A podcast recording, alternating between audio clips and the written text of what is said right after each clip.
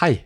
Denne episoden av Filmfrelst presenteres av distributøren Another World Entertainment, som i en årrekke har servert oss kult- og kvalitetsfilmer av regissører som Gaspar Noé, Xavier Dolan og Hirokazu Koreda. Med Ulrich Seidels nye film Rimini serverer Another World en av forsommerens djerveste kinoopplevelser, en skitten perle fra den østerrikske mesteren. Montage skriver at Seidel dissekerer Europa med presisjon, skarphet og vidd i sin nye film. Rimini vises i disse dager på norske kinoer.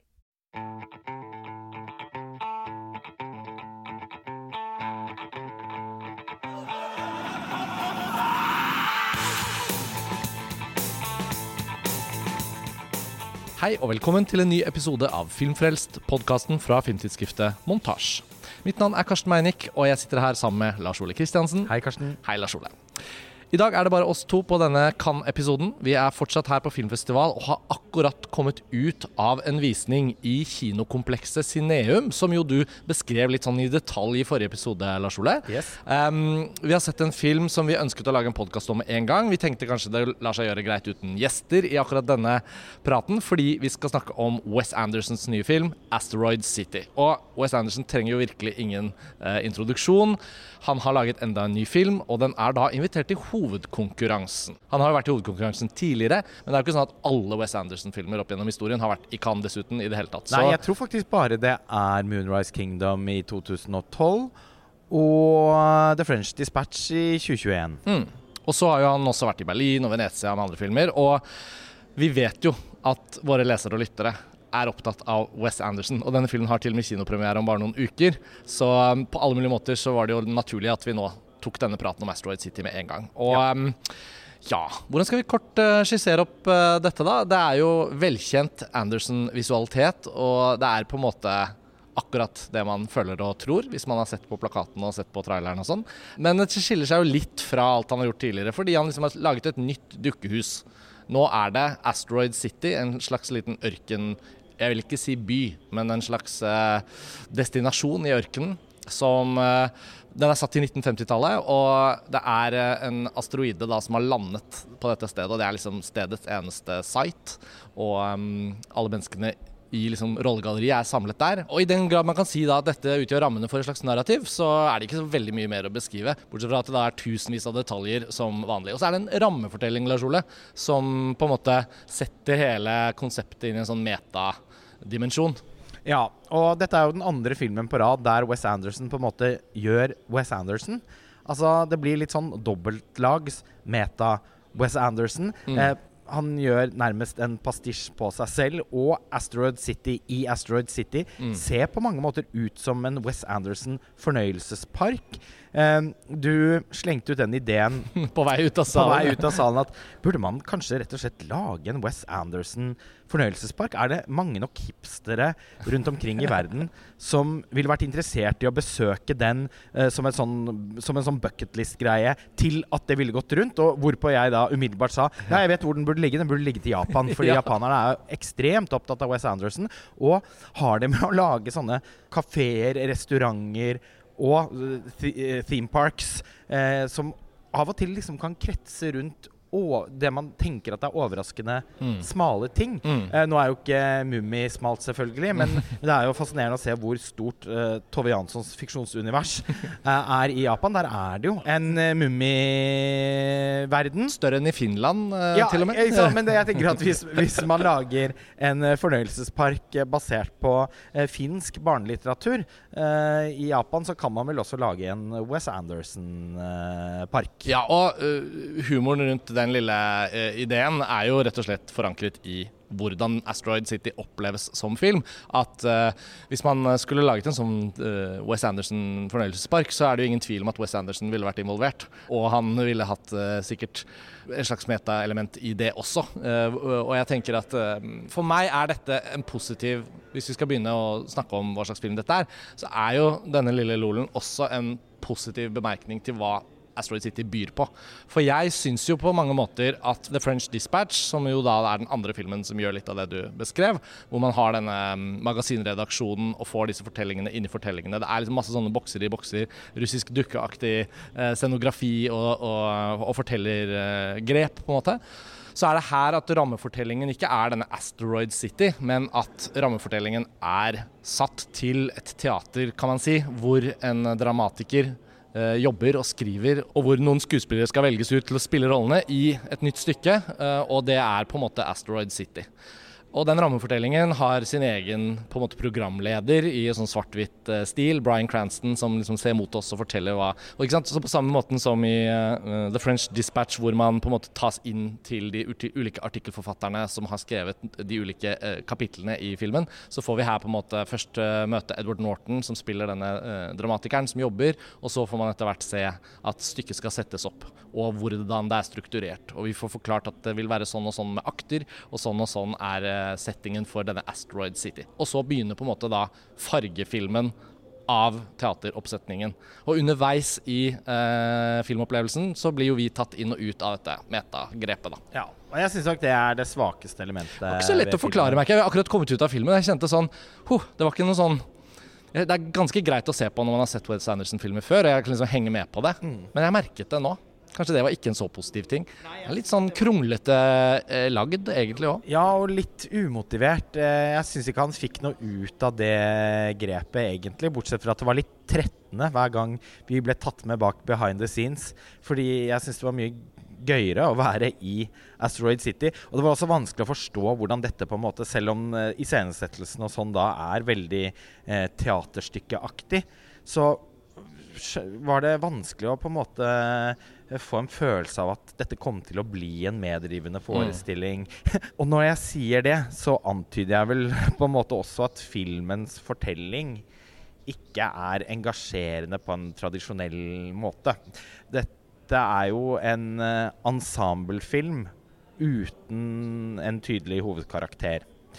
Og det er heller egentlig ikke en historie Og det er heller ikke sånn at man får etablert sterke relasjoner til rollefigurene underveis på måter som Wes Anderson ofte kan være veldig god til. Eh, nemlig at filmene hans eh, blir litt sånn uventet emosjonelle.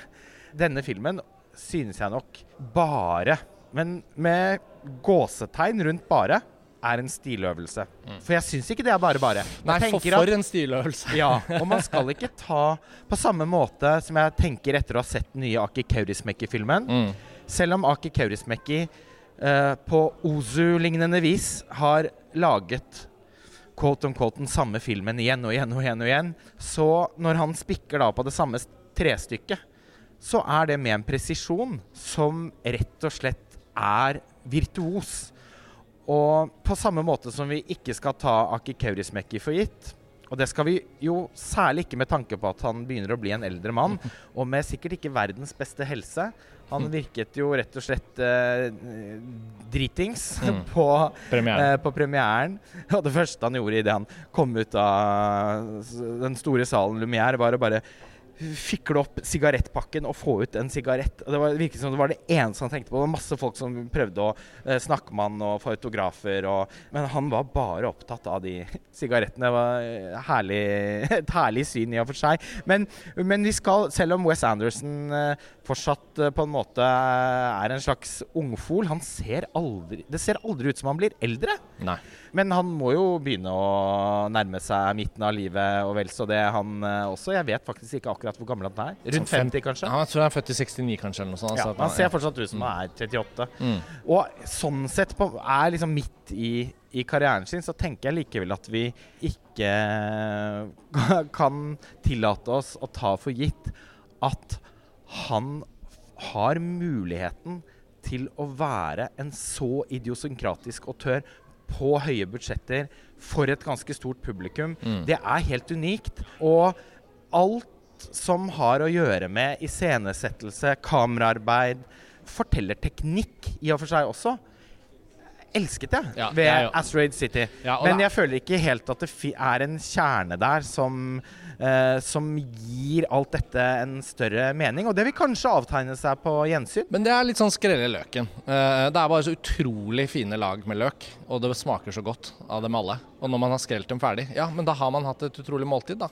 Hva så om det ikke etterlot så mye næring og sånn? For, for meg var det sånn helt sånn for, for, Fornøyelsen over å se denne filmen var ti av ti. På en måte.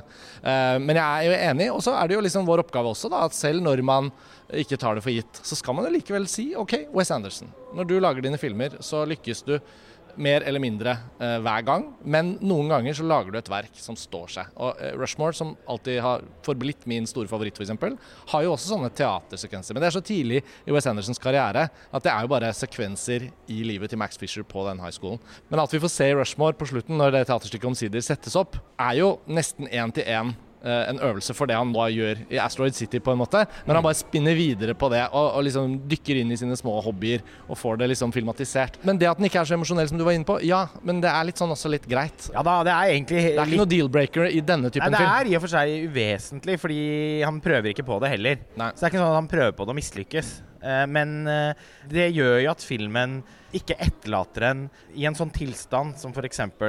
Moonrise Kingdom eh, Mm. gjør, da. Ja. Men apropos Rushmore, da, som jo også er helt i toppsjiktet blant mine Anderson-favoritter, så tenker jeg at denne filmen med fordel kunne vært litt mer Rushmore-aktig. Mm. For eh, i denne litt sånn uklare historien så er det en vitenskapskonkurranse der unge brainiacs Ja. skal forsøke å overgå hverandre i eh, intelligens og idérikdom eh, og oppfinnsomhet. Mm. Og de har kommet til Asteroid City for å presentere sine ulike prosjekter, på en måte. Ja, og Tilda Swinton fremstår som en slags dommer for den konkurransen. Hun- Professor Hickenlooper, som hun spiller. Ja, og som vel bare er med i kanskje sammenlagt fem minutter av, av filmen. Jeg eh, satt og tenkte at her var det noe potensielt veldig morsomt. Altså, Mm, mm. vi kunne jo ha fulgt den konkurransen og sett de ungdommene konkurrere med hverandre underveis, kanskje forsøke å lure hverandre, ødelegge hverandres oppfinnelser. Eh, Blodstrupmoen i Flåklypa-style. Ja, og alt med dem var veldig bra. Altså Hver gang når de satt og lekte den der navneleken, og uh, når den lille romansen oppstår og sånn, da er jo filmen veldig Ja, det, Du må nesten eh, fortelle lytterne litt mer om denne navneleken. Jeg syns det var en av de beste scenene i hele filmen. Den kunnskapskonkurransen, på en måte, da, eller eh, De skal kjempe om å få vinne et sånt stipend for den beste oppfinnelsen. Dette er bare ett Men det er liksom et rammeplott som er litt viktig, fordi det er derfor de familiene, da, alle har kommet til Asteroid City eh, den, disse dagene filmen utspiller seg. Og så er det tilfeldigvis også sånn at de skal bevitne et kosmisk fenomen som dr. Hickenlooper da har, eh, har opplevd en gang tidligere, og nå skal det skje igjen.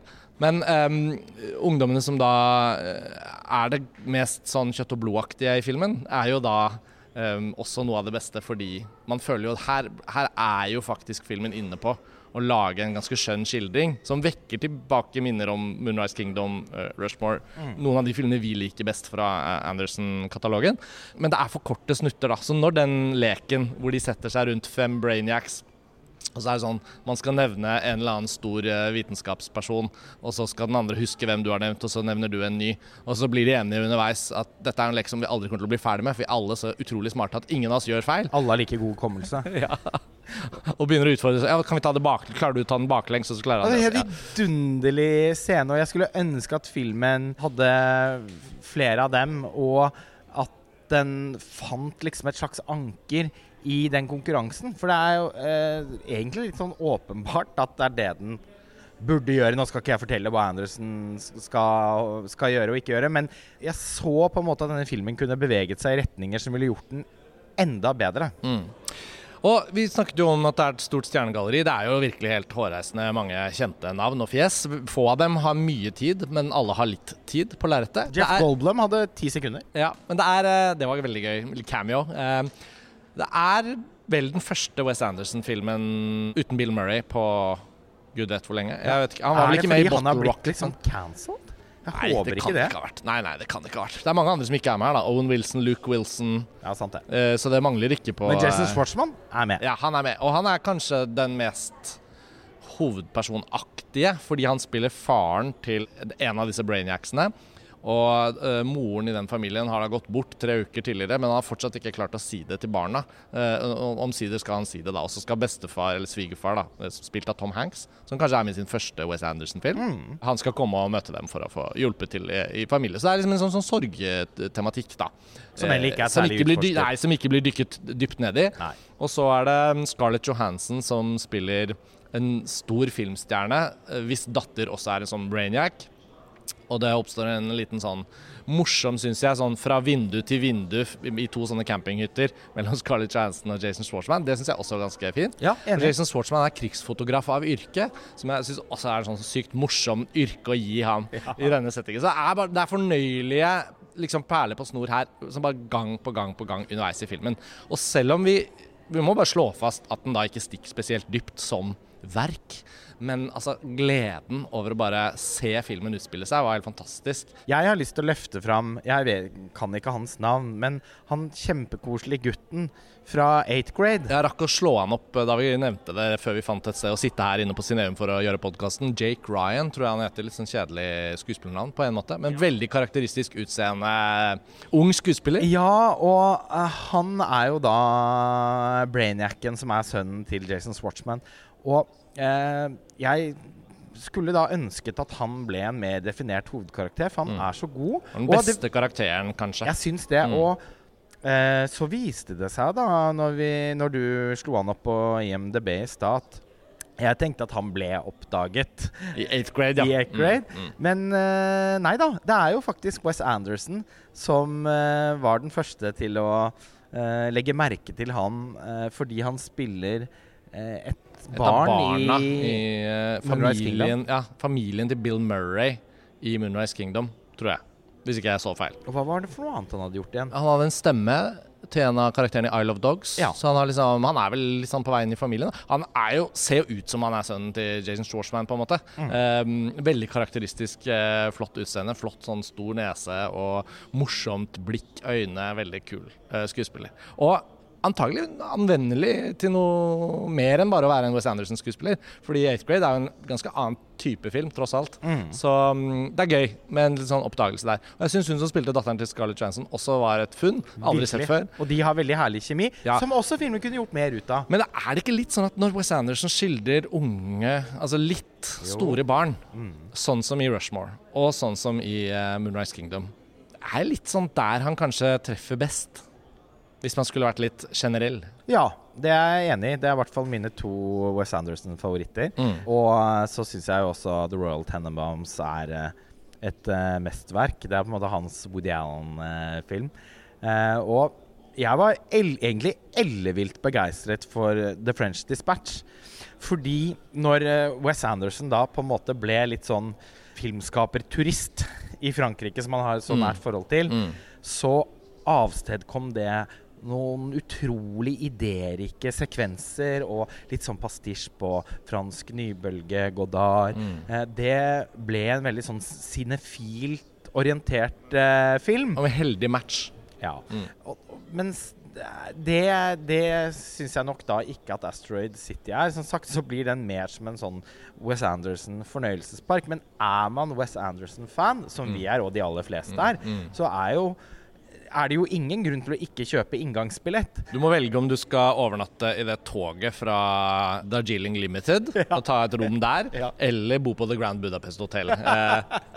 Eh, og hvis du er heldig, så kan du Hvis du er litt heldig, så kan du få bo i den bygården fra New York i Royal Tendermans, men da må du bo med den familien. Da, så det spørs hvor lenge du orker å Og Gene Hackman stiller opp, visstnok. Han, skal, han skal ta imot uh, billetter. Det fins jo en del milliardærer rundt omkring her på jorda som ikke bruker pengene sine til gode for oss andre som bor i verden, og liksom bygger noe utrolig. Men noen gjør det. Og Man skulle jo likt tanken på at det fantes en Wes Anderson-fan som også var en milliardær med mer penger enn han eller hun trengte, og som kunne bare Ja, det vil jeg gjerne bygge. Wes Anderson, har du lyst til at vi skal lage Wes Anderson World? Her har du pengene til det. Kristian Ringnes var trøttsom med den skulpturparken. ja. Nei, men eh, jeg tror på stående fot egentlig at vi ikke har så mye mer å si om filmen. Jeg tenker at den i likhet med alle Wes Anderson sine filmer kommer til å vokse litt på, ja. på gjensyn. Bare når jeg hører deg snakke om French Dispatch nå, f.eks., kjenner jeg litt sånn at oh, det er absolutt en film jeg kunne liksom, i kveld, hvis jeg ville, bare gått tilbake til og sett og hatt stor glede av, tror jeg. Og filmen har jo norsk kinopremiere 16.6. Så um, det blir jo snart, snart anledning til å uh, se den uh, på nytt. Og det kjenner ja. jeg at jeg gleder meg til. Mm. Også bare fordi Wes Anderson som bildeskaper er så utrolig. At uh, man, jo, man, har jo bare lyst til å liksom, ta bolig mm. i filmene hans. Apropos fornøyelsesparkideen, da. Ja. Og det er mange høydepunkter underveis som ikke vi nå har beskrevet også, fordi tross alt så er det jo mye av dette som er gøy å bare oppleve der. Uh, men, um, men, jeg tror vi har på en måte fått sagt det viktigste. Jeg har stor glede av denne filmen og gleder meg til å se den igjen. Og ja, den stikker ikke så dypt, men det er jo på ingen måte noe grand failure, og det har vel ikke Wes Anderson nesten ja, Han er helt gjort. inkapabel til å lage en film som er mindre enn veldig bra, ja. tenker jeg. Og, og dette er på en måte det absolutte beviset på det, for han har sjelden hatt et mindre liksom Eh, spennende materiale å lage en film ut av. Kanskje med unntak av Darjeeling Limited, men som også da er en film jeg liker kjempegodt. Ja, ja, ja. Som en eh, ren stiløvelse. Bare å se på Milena Canoneros kostymer i den filmen er egentlig nok for meg. Og hvis det var dette som var science fiction-filmen han hadde i seg, så, ja. så, har vi fått den. Ja, Apropos det, så dukker det opp et romvesen på et tidspunkt. Ja, ja. Og designet på det vesenet er uh, utrolig morsomt. Uh, det går virkelig Ibo Caprino i næringen. Ja, ja, ja. Ok, men det er jo andre episode på gang allerede, Lars Ole. Så denne her inngår jo i flyten fra Cannes av våre rapporter. Vi håper dere der hjemme syns det er gøy å høre på. Vi er straks tilbake. Takk for denne gang. Ha det bra. Ha det bra.